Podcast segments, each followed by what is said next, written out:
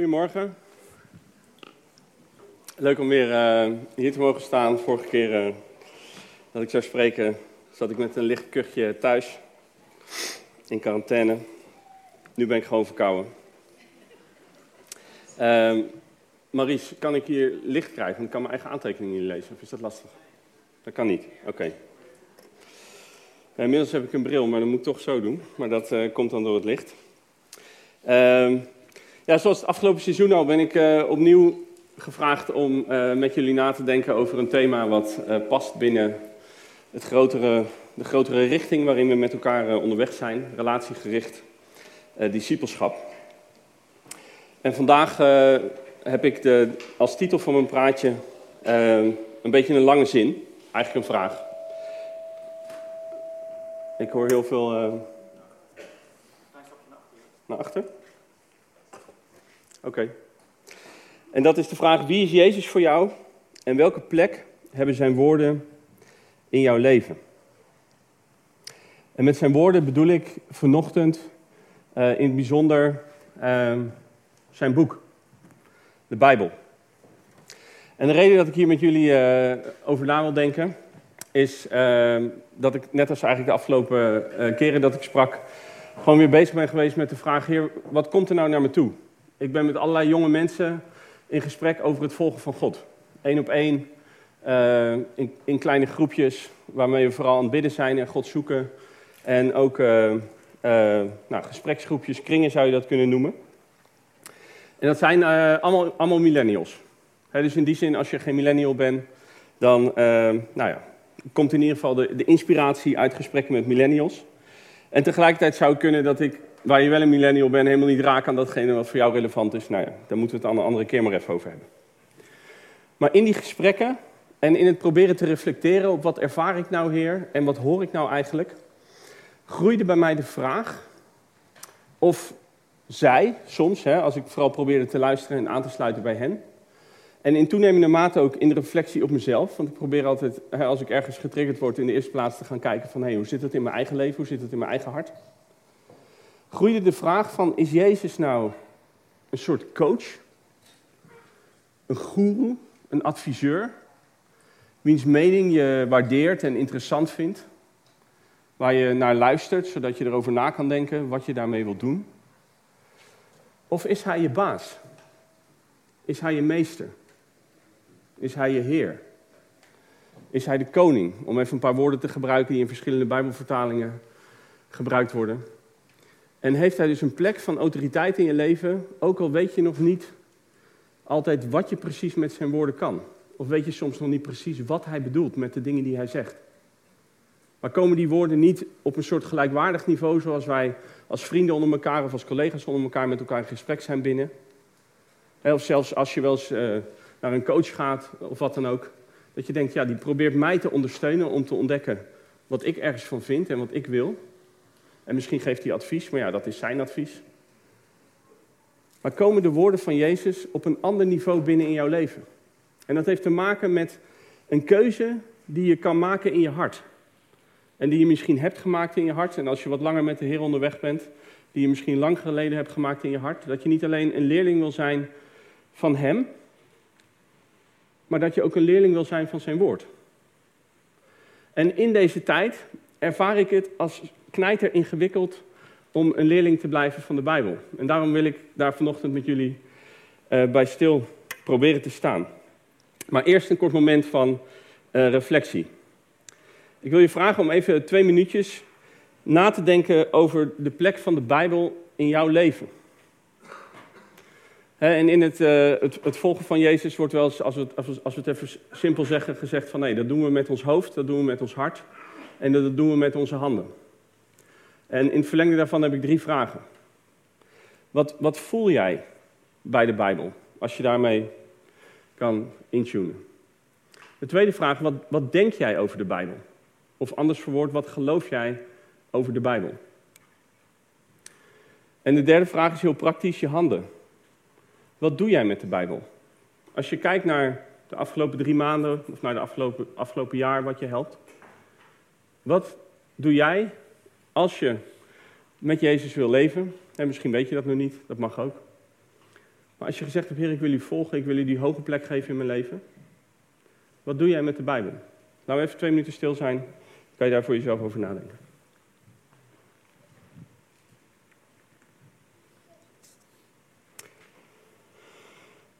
Oké.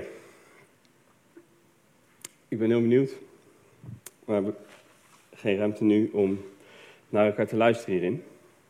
Ik heb vorige, week, vorige keer dat ik sprak, dat is natuurlijk al even geleden, dus dat uh, zijn jullie waarschijnlijk vergeten, dat is oké, maar iets gedeeld over mijn eigen zoektocht. Mijn eigen denken, mijn eigen voelen, mijn eigen worstelen met de plek van de Bijbel in mijn leven. En nou, het verlangen wat ik daarin had voor een soort nieuw seizoen.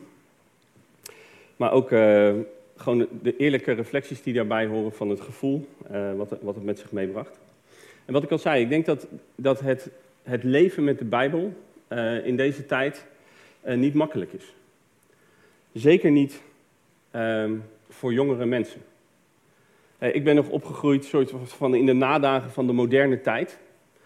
En in de moderne tijd of in het modernisme was het nog normaal om te geloven dat er een waarheid buiten en boven jezelf was. Dat er zoiets is als, als absolute waarheid. Die je kan kennen of die je niet kan kennen, waar je naar kan zoeken.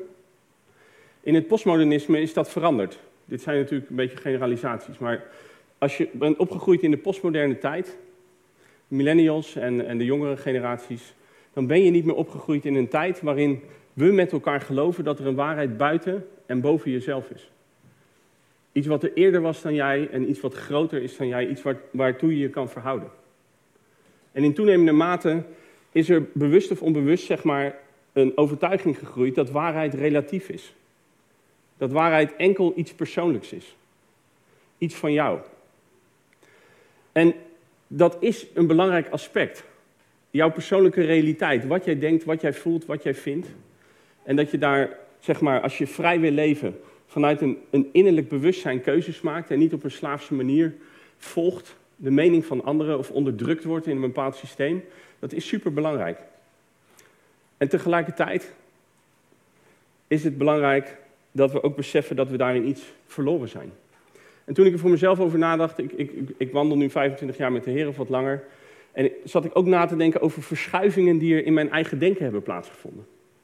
Dingen die ik geloofde toen ik twintig was, die ik nu niet meer geloof. Of waarvan ik soms minder goed weet wat ik daarin geloof. En denk ik, ja, toen kende ik de Bijbel een heel klein beetje en dacht ik, nou, dat zit gewoon zo. En nu een tijd later weet ik het gewoon niet meer zo goed. Soms nadat ik er veel meer studie naar heb gedaan. En dat is verwarrend. want het idee van waarheid roept natuurlijk iets op. Dat het simpel zou moeten zijn. dat als je het maar gewoon even leest, dat je dan begrijpt wat er staat dat je begrijpt wat de Heer tegen je zegt. En als je dus besloten hebt om te volgen, dat je dan gaat proberen om dat ook in je leven een plek te geven. Maar we weten dat dat niet zo simpel is. Dus de vraag van, is dit boek betrouwbaar? Hoe werkt dat dan precies?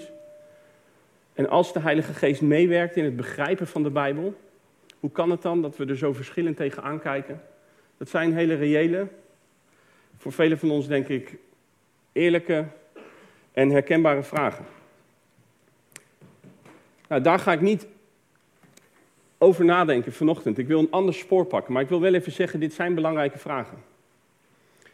En op het moment dat je God wil dienen met je hele verstand, het eerste gebod dat we hem dienen met ons hele hart, met onze hele ziel en met onze hele verstand, dan betekent dat ook dat we eerlijk moeten zijn over onze vragen. Dus als dit voor jou vragen zijn, dan wil ik je aanmoedigen, wees daar eerlijk over.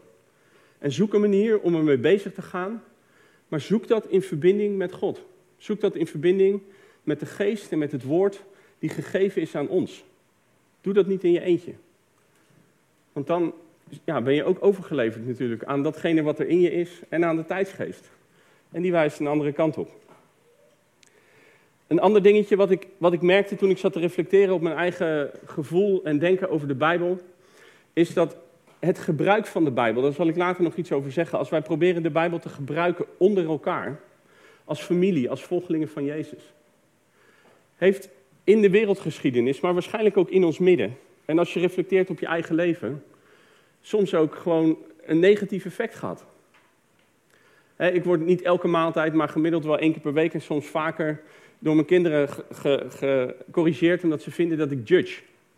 Dan judge ik hen of dan judge ik iemand of een vriendin van hen als ik een vraag stel omdat ik gewoon benieuwd ben of wat dan ook. Dus blijkbaar ervaren zij een oordeel in datgene wat ik vraag of hoe ik het vraag en de donkere wenkbrauwen en zo, dat soort dingen, dat zal wel. Terwijl dat hopelijk niet het geval is. Vaak niet, denk ik. Maar er zit zo'n gevoeligheid in onze cultuur.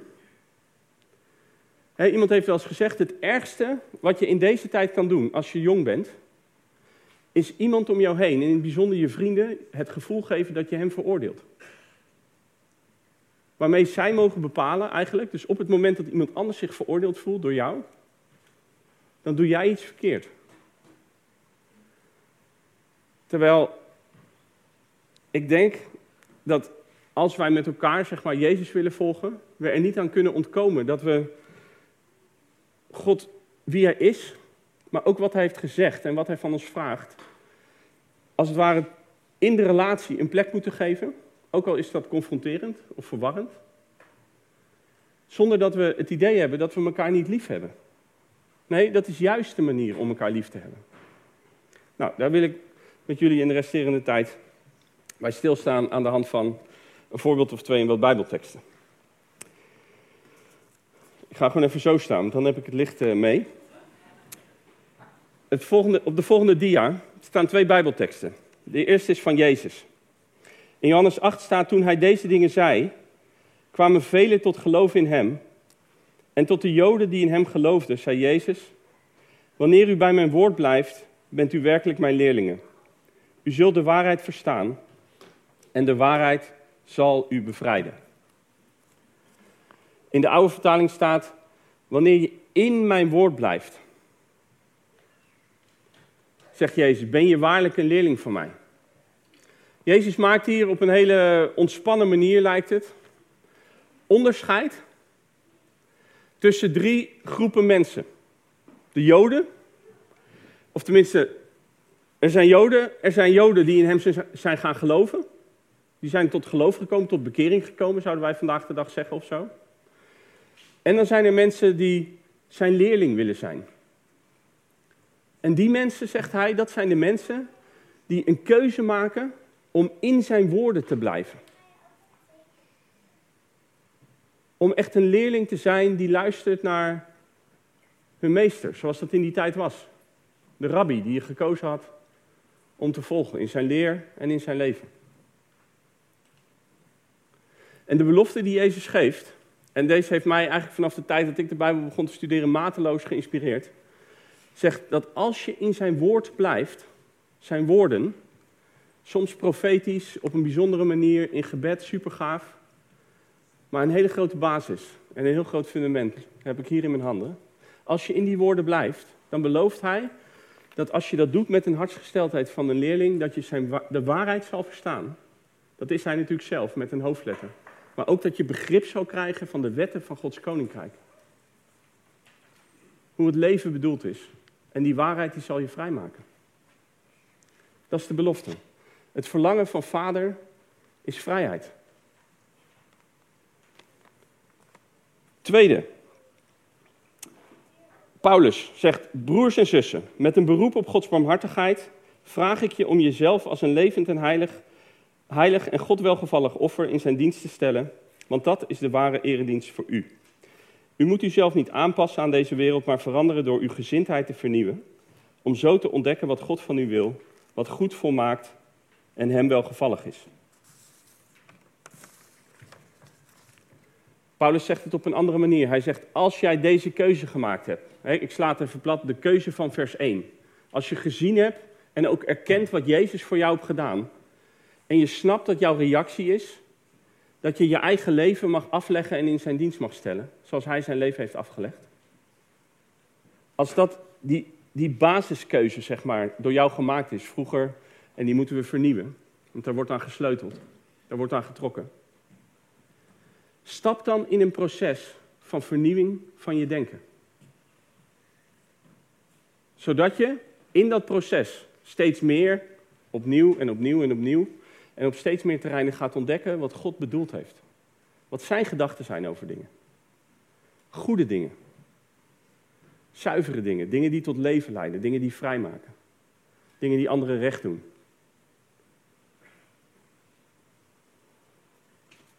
Dat is een keuze. Een basiskeuze. Waar ik af en toe naar terug moet keren, waar ik die ooit, zeg maar, in mijn tienertijd voor het eerst heb gemaakt. En die onder druk staat. Als ik daar een vers over lees, dan uh, is het opnieuw Paulus, dit keer aan de brief, in de brief aan de Corinthiërs. Sorry voor het, het, de versen, zeg maar. Ik wilde echt dit thema neerzetten, dus in die zin. er staat ook vers, een vers voor en een vers na. Dus uh, neem tijd, zelf tijd thuis, mocht je het echt ook in de context willen lezen. Paulus die zegt hier aan, tegen hen: Ik vrees dat zoals Eva door de slang op sluwe wijze bedrogen werd, uw gedachten worden weggelokt van de oprechte en zuivere toewijding aan Christus.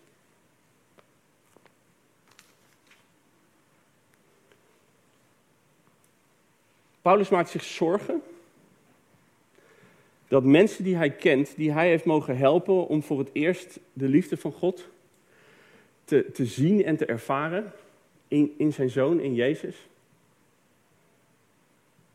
En die begonnen zijn op een weg van navolgen, wat in die tijd een stuk pittiger was dan in deze tijd, omdat er direct druk vanuit de samenleving kwam. Hij vreest dat de slang bezig is om die toewijding, die zuivere en oprechte toewijding aan Jezus, te ondermijnen. En ik zat hierover te, te, te mediteren en ik dacht, ja, heel eerlijk zeg maar, geloof ik dit? Ja, ik, ik geloof het. Maar in hoeverre leef ik in de realiteit dat ik een persoonlijke tegenstander heb, die actief bezig is en op een wijze, liefst zeg maar zonder dat ik het door heb, een subtiel proces, om mijn toewijding, die hopelijk oprecht is, weet ik niet altijd zeker, maar dan word ik weer aangemoedigd door mijn broers om weer een rechtspoor te kiezen, aan Jezus, om die te ondermijnen. In de Bijbel is een realiteit. Voor ons allemaal. Dat dit gebeurt.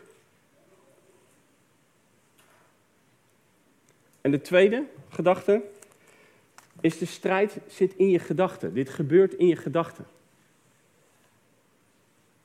En dat relateert aan andere stukken van Paulus, maar ook in het Oude Testament. Er zit gewoon heel veel strijd in ons hoofd. Want wat wij uiteindelijk denken, dat bepaalt wat we gaan kiezen. Wat we geloven bepaalt uiteindelijk wat we doen. En daarom zit daar strijd. En ik, ik trek op met een gast en, en hij is voor mij echt een voorbeeld in, in hoe hij heel bewust leeft met God. In hoe hij dingen doordenkt, in hoe hij keuzes maakt in zijn rentmeesterschap. Hij heeft een knijter goede baan, hoe vrijgevig hij is, hoe hij, hoe hij bezig is om andere mensen te helpen, om dichter bij God te leven. Echt op heel veel terreinen is hij een onwijs voorbeeld voor mij. En uh, recent heeft hij een relatie gekregen met een, uh, een, meisje wat de heer nog niet kent. En hij is super verliefd en zij ook. En nou, het is allemaal heel, uh, het is echt een heel romantisch verhaal. Het is super leuk om het, uh, om het, om het mee te maken.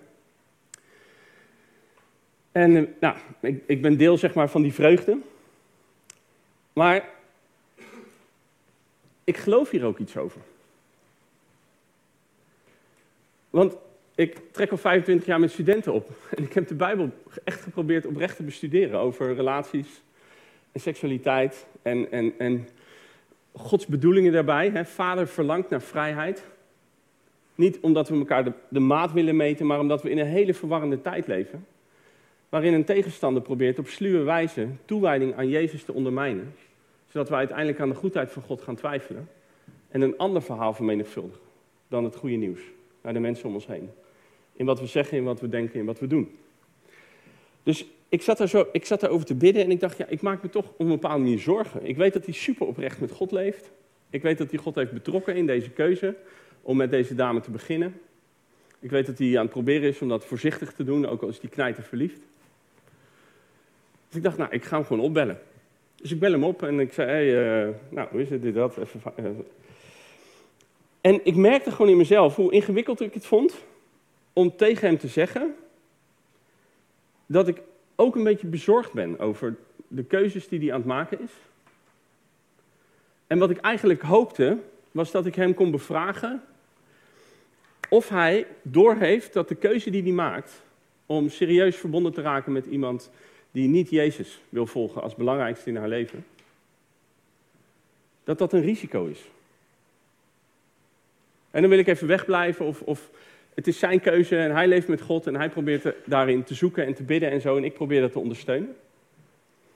Nou, we hadden een super tof gesprek. En uh, later las ik dit vers en toen dacht ik, oh ja, dit geeft eigenlijk woorden aan iets wat ik geloof. Dat ik dus soms merk, en misschien herken je dat ook bij jezelf, als ouders zal je dat in ieder geval herkennen bij je kinderen vaak. Je gelooft gewoon bepaalde dingen soms over iets wat gezond is. En dat betekent niet dat jij het bij het rechte eind hebt, maar op het moment dat je dat gelooft en op het moment dat dat dus uit de Bijbel tevoorschijn komt, ook al is het altijd een interpretatie, moeten we er in deze tijd bij zeggen, dan is de vraag, wat doe je daarmee? En reflecterend op dit gesprekje, zeg maar, we zaten allebei in de auto, ehm, dacht ik bij mezelf, oh ja, wat ik eigenlijk aan hem wilde vragen, was, hey, heb jij ook in de Bijbel gelezen wat God zegt over relaties? Heb je tijd genomen om daarover te bidden? En hoe verbindt dat zich met wat je voelt, met wat je wil, met wat je kiest? Nou, zoeken voor mij. Nog een uh, gedeelte. Levend en krachtig is het woord van God. Scherper dan een tweesnijdend zwaard. Het dringt door tot waar ziel en geest elkaar raken. En het is in staat de opvattingen en gedachten van het hart te ontleden. Niets van wat geschapen is, blijft voor hem verborgen. Alles is onverhuld en volkomen zichtbaar voor de ogen van hem aan wie wij rekenschap moeten afleggen.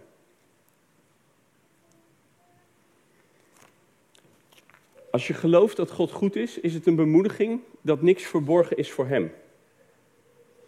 En als je ja, merkt, wat ik in ieder geval sterk merk, van hey, als er dan strijd in mijn denken is, ja dat zal wel, maar waar zit hij dan precies? En wat is dan van God en wat niet? In wat ik voel, of wat ik wil, of wat ik denk? Dan belooft God dus dat hij zijn woord gegeven heeft, wat zijn geest wil gebruiken, wat we onder elkaar zeg maar een plek mogen geven. En in ons eigen leven.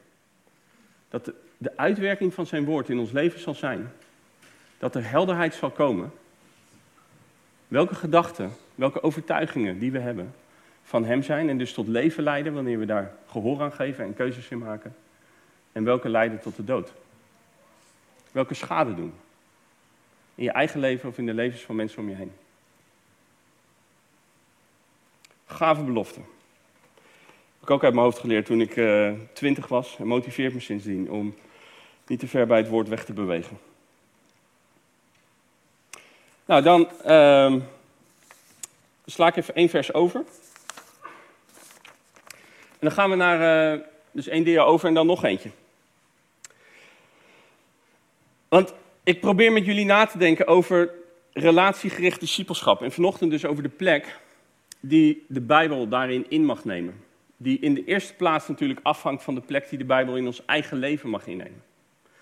Maar die, wanneer wij een gezonde cultuur van discipelschap, containerbegrip, we zijn samen aan het proberen Jezus te volgen, omdat Hij het belangrijkste is. En omdat we geloven dat wat voor Hem belangrijk is ook goed voor ons is. Hoe werkt dat dan? Nou, ik gaf net een voorbeeld van hoe ik daarin aan het zoeken ben. Ik trek nog met een andere gast op en die is nog niet zo lang geleden tot geloof gekomen. En die heeft best wel dingen gemist, zeg maar, vroeger. In, in het gezin waar die uitkomt. Dus voor hem is het lastig om te geloven dat God echt goed is. Als ik het even plat sla. Gewoon doordat hij weinig goedheid uh, heeft ervaren, zeg maar, in zijn jonge jaren. En daar zoek ik ook in. Hoe kan ik hem nou helpen om de goedheid van God meer te leren kennen, zodat het voor hem makkelijker wordt om ook een stap van overgave te zetten in het hoogachten zeg maar, van de mening van God? Want nu, als we erover praten, dan heeft hij hele sterke gevoelens. En dan kiest hij uiteindelijk op basis van die gevoelens. En dan bidt hij wel dat God in dat gevoel wil zijn of zo. Maar er vindt geen toetsing plaats en geen scherping. Er is geen spiegel buiten zichzelf van Gods woord. En ik zie hem keuzes maken op basis van zijn gevoel, waarvan hij het idee heeft dat de Heilige Geest hem erin aanmoedigt, of in ieder geval niet in weerhoudt, die echt lijnrecht tegenover de woorden van God staan. En ik weet gewoon niet goed hoe ik hem helemaal kan vasthouden en kan liefhebben. En niet kan judgen en zo, die dingen. Terwijl ik hem ook ondersteun, zeg maar, om zijn gewicht te leren verplaatsen van mijn gevoel en die innerlijke werkelijkheid naar Gods woord en waarheid en werkelijkheid buiten zichzelf, die iets van dat innerlijk kan worden, maar door een proces van vernieuwing.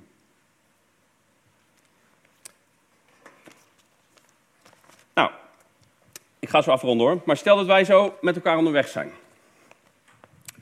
Uh, stel dat wij elkaar proberen te helpen om Jezus te volgen. dat, dat is echt al heel wat. Dat is echt super. En dat gebeurt op allerlei plekken in de gemeente, in de kringen en in triades en in, persoonlijke gesprekjes en allemaal dingen, koffietjes, noem het maar op. Maar de Bijbel heeft daar geen plek in. Dat is even wat ik heb proberen te bedenken. Of een veel te marginale plek. Ja? En, en we hebben geleerd dat we elkaar niet uh, maar alleen onze eigen mening moeten delen. We, we zijn elkaar aan het helpen door vragen te stellen. Dan dacht ik, ja, hoe ziet dat er in mijn leven uit? Dan stel ik vragen als, hey, hoe is het voor je? Als iemand met een bepaald terrein, zeg maar, bezig is. Het gaat lastig op je werk of zo. En je zoekt van, hé, wat moet ik daarmee? Wat wil God daarmee? Hoe is het voor je? Wat denk je dat God erover zegt? Wat wil je ermee? Wat heb je hierin nodig? Wat kan ik voor je bidden? Allemaal prachtige vragen die verbinding versterken en ook een gezamenlijke verbinding op God. Maar op het moment dat het ook over dingen gaat waar we gewoon keuzes moeten maken of aan het maken zijn, of op het moment dat iemand worstelt bijvoorbeeld met, met uh, een negatief zelfbeeld. En ik ben alleen maar aan het aansluiten. Ik ben alleen maar aan het bemoedigen misschien. Of wel aan het bidden en aan het zeggen: hé, hey, ik geloof dat God wel van je houdt. En ik geloof dat God je super hoog acht en dat hij je waardevol vindt. En dat hij je ontzettend ziet zitten. En dat hij mooie dingen in je ziet die nog verder tevoorschijn mogen komen. Allemaal gave dingen die we voor elkaar kunnen bidden. En waarvan we weten dat ze in Gods hart zijn. Maar ik help diegene niet om door een proces, hè, een worsteling, te leren kiezen. Om Gods gedachten over hem hoger te achten dan zijn eigen gevoelens en zijn eigen gedachten.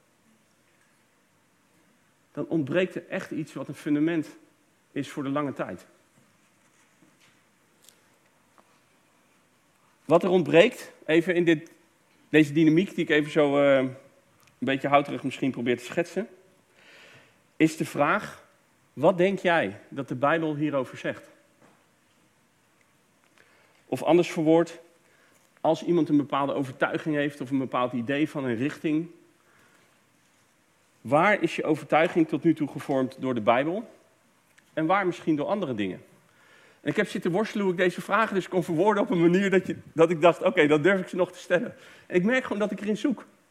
En dat is dat spanningsveld waar we volgens mij middenin zitten. Wat ik probeer te, te illustreren, dat die confrontatie, die uitnodiging aan de ander, om stil te staan bij waarheid buiten zichzelf, die tevoorschijn komt in Gods woord, wanneer we daar tijd in doorbrengen, die kom ik persoonlijk niet meer zoveel tegen in christelijke kringen. En het is mijn werk om in christelijk Nederland leiders te helpen om dicht bij Jezus te leven en jonge mensen te helpen om te groeien in geloof en in leiderschap. Oké, ik ga afronden. En dat doe ik met uh, het voorlezen van uh, een paar zinnetjes. Daar heb ik er niet voor niks aan zitten slijpen.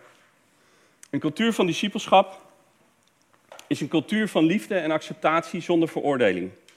Waarin iedereen welkom is, wie je ook bent en wat je ook denkt of doet. Een cultuur van discipelschap is een cultuur waarin ons uitgangspunt en ons verlangen is dat Jezus het in alles voor het zeggen mag hebben. Niet omdat we graag slaven willen zijn, op zoek naar een meester, maar omdat we kinderen zijn die aan het leren zijn om te vertrouwen dat het verlangen van vader vrijheid is. Een cultuur van discipelschap is een cultuur waarin de Bijbel een gezaghebbende plek krijgt en actief wordt betrokken in het gezamenlijke proces van vernieuwing van denken en doen. Waar ik middenin zit en jullie ook. Dat is in ieder geval wat de Bijbel erover zegt. Het gaat je hele leven door. Nou, ik wil afsluiten met een psalm. Die ik deze week tegenkwam en die me gewoon ontzettend bemoedigt. Omdat ik dacht, voor mij zijn mensen geweest die in deze realiteit hebben geleefd. En dit is dan een psalm van iemand die een stukje verder terug heeft geleefd, een psalm van David. Dit is psalm 19 en ik lees vanaf vers 8. Het is echt een rant, zeg maar, uh, in de positieve zin. Ik weet niet of daar een beter woord voor is. En, en, en uh, een loflied, maar het spoelt gewoon uit hem. Over dat stukje van Gods woorden wat hij kende op dat moment. Wat een veel beperkter deel was dan wat wij kennen, nu we de evangelie hebben en de brieven en zo. De wet van de Heer is volmaakt. Levenskracht voor de mens. De richtlijn van de Heer is betrouwbaar. Wijsheid voor de eenvoudige. De bevelen van de Heer zijn eenduidig. Vreugde voor het hart. Het gebod van de Heer is helder. Licht voor de ogen. Het ontzag voor de Heer is zuiver, houdt stand voor altijd. De voorschriften van de Heer zijn waarachtig, rechtvaardig, geheel en al. Ze zijn begeerlijker dan goud, dan fijn goud in overvloed. En zoeter dan honing, dan honing vers uit de raad.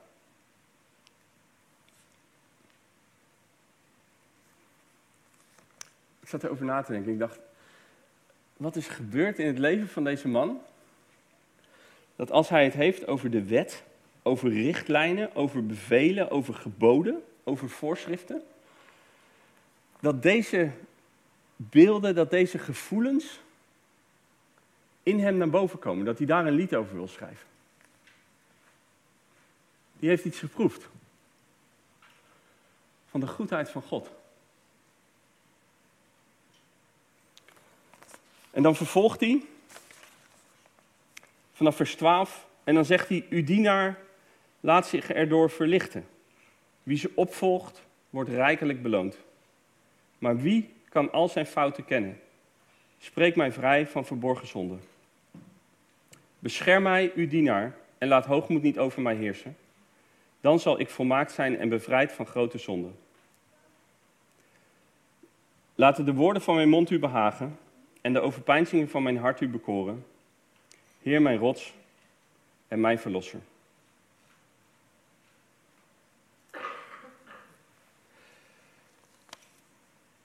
David bidt dat God hem mag helpen om vrij te worden van hoogmoed. Hoogmoed is een hartshouding waar ik centraal sta. Mijn gedachten, mijn gevoelens, mijn wil. En niet die van Jezus. Als ik hem even simpel zou willen vertalen, gewoon in een discipelschapscontext, dan is dat hoogmoed. Dat mijn gedachten, mijn gevoel en mijn wil centraal staat. En niet die van Jezus. Ook al is dat knokken, hè? dat knokken dat gaat over eerlijk onderweg zijn. Maar hoogmoed, dan ben ik niet meer aan het zoeken. Dan ben ik niet meer aan het, aan het luisteren. Dan ben ik niet meer aan het toetsen. Dan leef ik gewoon uit wat er in me is. En dan zegt Paulus, dan loop je het risico dat je grote zonde doet. Maar als God je beschermt tegen hoogmoed, als de positie van een leerling de grondpositie is van je hart, ook een leerling van het woord, en we helpen elkaar daarbij op een liefdevolle manier, dan zal je bevrijd zijn van grote zonden. Er zijn er nog wel verborgen zonden, Hè? Ik bedoel, dus waarschijnlijk te veel om op te noemen in mijn leven, maar dat zijn de dingen waarvan God zegt: hé, hey, maar Joost, ik ben met één of twee dingen met je bezig. En daar heb ik echt je aandacht nodig en die houding van een leerling. En die andere dingen, daar is mijn genade voor en die komen misschien op een later moment. Nou, waarom werd ik enthousiast toen ik aan het zoeken was en, en uh, nou ja, zat te stoeien voor deze, deze preek, dit praatje?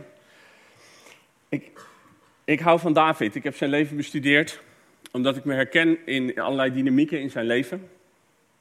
En ik dacht twee dingen over David. Twee overtuigingen in hem die ook in deze psalm naar voren komen. Hij was overtuigd geraakt over de goedheid van God. Over zijn wijsheid, over zijn grootheid, over dat God echt de bedenker van het leven is. Die snapt hoe het werkt. En van daaruit, daar had hij van geproefd. Dat zie je echt in het leven van David, als je de psalmen leest, als je zijn leven bestudeert. Het tweede, hij was er diep van overtuigd dat hij zonder God een klerenbende zou maken van zijn leven. Hij heeft gemoord, hij heeft overspel gepleegd, zijn gezin is uit elkaar gevallen. Allemaal omdat hij in die fases van zijn leven het niet lukte om te luisteren naar de dingen die hij wel wist. Maar dat hij zijn hart afsloot. En dat hij andere keuzes maakte. En ik dacht, hé, hey, sommigen van ons die hebben de goedheid van God geproefd en dat kan je helpen om steeds opnieuw te kiezen voor die, die houding van een leerling, ook een leerling van het woord. Anderen die kunnen misschien, zoals ik in sommige dingen van mijn leven, gewoon getuigen dat je weet, ja, als ik het op mijn eigen kracht ga doen of op mijn eigen inzicht, dan maak ik er gewoon een, een klerenzooi van. En dat is niet goed voor mezelf en in het bijzonder niet voor de mensen om me heen. Die beide dingen, die kunnen ons motiveren. Om ons te vernederen, als ik een oud woord mag gebruiken, en te zeggen, Heer, hier zijn we. Hier ben ik.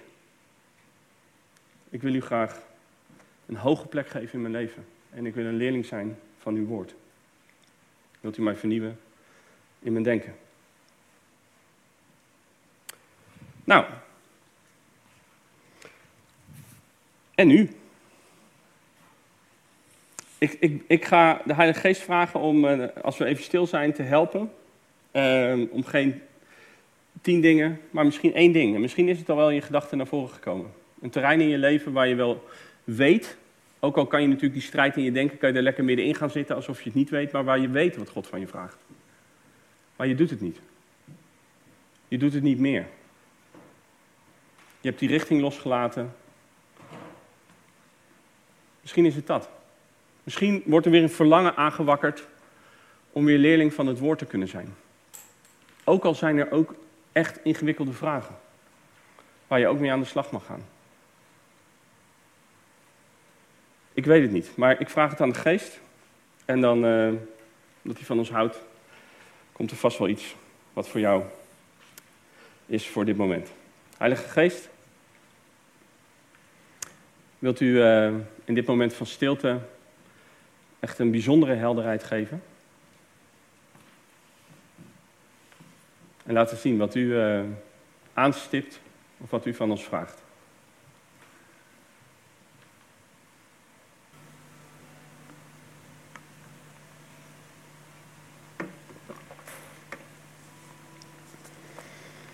Ja, je dank u voor wat er in onze gedachten komt. Dank u, Heer, dat hoe onrustig het daar soms ook is, of hoe verwarrend. Heer, ook door een stukje strijd. Heer, dat u daar ook woont. Dat u daar bent. Dat u helderheid wil geven over de route naar voren. Dank u, Heer, dat als het een route is die u wijst, Heer, dat het altijd zal leiden tot vrijheid. En tot vrucht in de levens van de mensen om ons heen. Wilt u ons laten zien hoe we hierop mogen reageren, nu of op een later moment?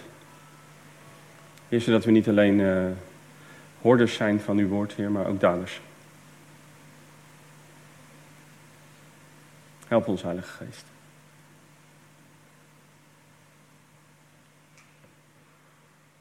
Ja. Amen. We gaan zo nog wat uh, zingen. Uh, er is gelegenheid om voor je te laten bidden. Een paar dingen waar ik aan dacht, ik heb ze ook opgeschreven. Misschien merk je een verlangen naar verandering, zo heb ik het maar even genoemd. Op basis van het onderwijs van vanochtend. Meer verbinding, meer tijd, misschien heel praktisch. Tijd maken om weer met de Bijbel iets te gaan doen. Um, een bekering van een houding van, ja, alsof God een adviseur is, die je af en toe betrekt. Waar je vervolgens over nadenkt wat je daarmee wil. En je wil weer naar die, die gezonde onderpositie. Of het samen met anderen. De meeste voorbeelden die ik deel, die, die komen dus vanuit anderen doen dit met mij en ik met anderen. Dat je eigenlijk een verlangen hebt dat dit onderdeel zou kunnen zijn van bestaande relaties die je hebt, dat de Bijbel daar meer centraal een plek in kan nemen. Of dat je misschien wel een relatie zou willen waarin dat überhaupt kan. Waarschijnlijk weet je nu nog niet hoe. Maar als het je aanspreekt, mag ik je vragen om een keuze te maken en te zeggen: Heer, dat wil ik. Wilt u me leiden, zodat dat vorm krijgt in mijn leven? Die kan je op je plek maken, maar het zou super tof zijn als we elkaar daarin ook gewoon mogen ontmoeten en mogen zegenen. Dan kan je voor je laten bidden, hier beneden of op een ander plekje. Nou, het concrete terrein had ik al genoemd. Uh, Lucas, als jij wil komen. Ik had zelf, ik zat een beetje te stoeien met mijn verhaal. Dan heb ik altijd minder tijd om nog uh, te bidden voor indruk en zo. Maar er kwam er eentje. En uh, ik zag een plaatje van een, uh, een kaars in een, in een, die onder een soort kaas, een glazen stolp stond. En wat me opviel was dat het, het vlammetje flakkerde, flikkerde nog maar heel licht. En was bijna aan het uitgaan en het was ook al een beetje aan het walmen. En ik vroeg aan de heer, heer, wat is dit? En ik had het idee dat het gaat over iemand die, als je eerlijk bent, dan is, is er nog maar weinig van je geloof over. Alsof je geloof bijna aan het, is uitgegaan, zoals dat kaarsje bijna uitgaat, omdat de zuurstof bijna op is. En als je dat herkent, God ziet je en hij, hij houdt ontzettend veel van je. En zijn aanmoediging is om Zoals die stolp, als de stolp er afgehaald zou worden, de zuurstof bij het vlammetje komt, zodat het kaarsje weer gezond kan gaan branden. Om jezelf bekend te maken, nu of op een later moment bij iemand. En gewoon te zeggen, hey, dit is waar ik op dit moment ben, dit zijn de redenen misschien waarom het uh, uit, uit aan het gaan is. En dat in die verbinding de Heer nieuw leven uh, wil gaan geven. Dus mocht dat voor jou gelden, dan uh, nou, bidden we graag nu voor je, maar dat kan ook op een later moment.